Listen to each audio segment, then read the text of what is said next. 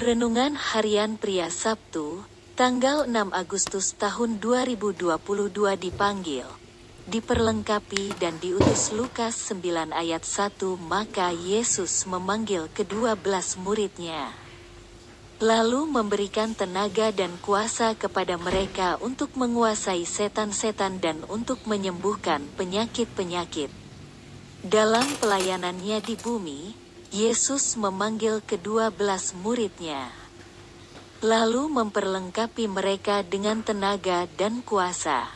Dalam terjemahan Alkitab bahasa Inggris dikatakan bahwa Yesus memberikan power, kekuasaan, dan authority, otoritas kepada murid-muridnya. Yesus memberikan kuasa atau kemampuan dan hak untuk memakai kuasa atau kemampuan itu.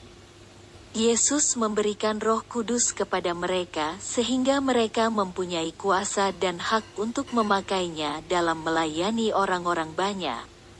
Lalu, setelah Yesus memperlengkapi murid-muridnya dengan tenaga dan kuasa, Yesus mengutus mereka, dan Ia mengutus mereka untuk memberitakan kerajaan Allah dan untuk menyembuhkan orang.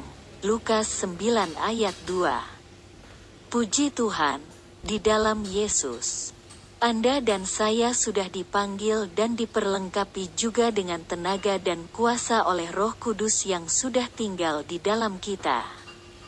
Dan kita juga sudah diutus untuk memberitakan kerajaan Allah. Kabar baik itu, kita juga sudah diutus untuk melayani orang-orang lain. Ke mana kita sudah diutus olehnya? Kita diutus di dalam keluarga kita, di tempat kita bekerja dan di mana pun kita berada.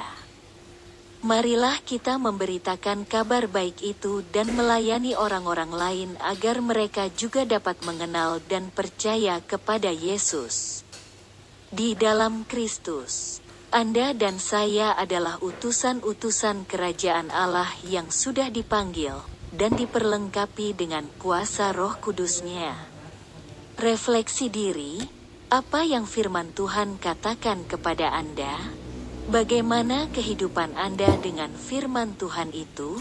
Catat komitmen Anda terhadap firman Tuhan itu.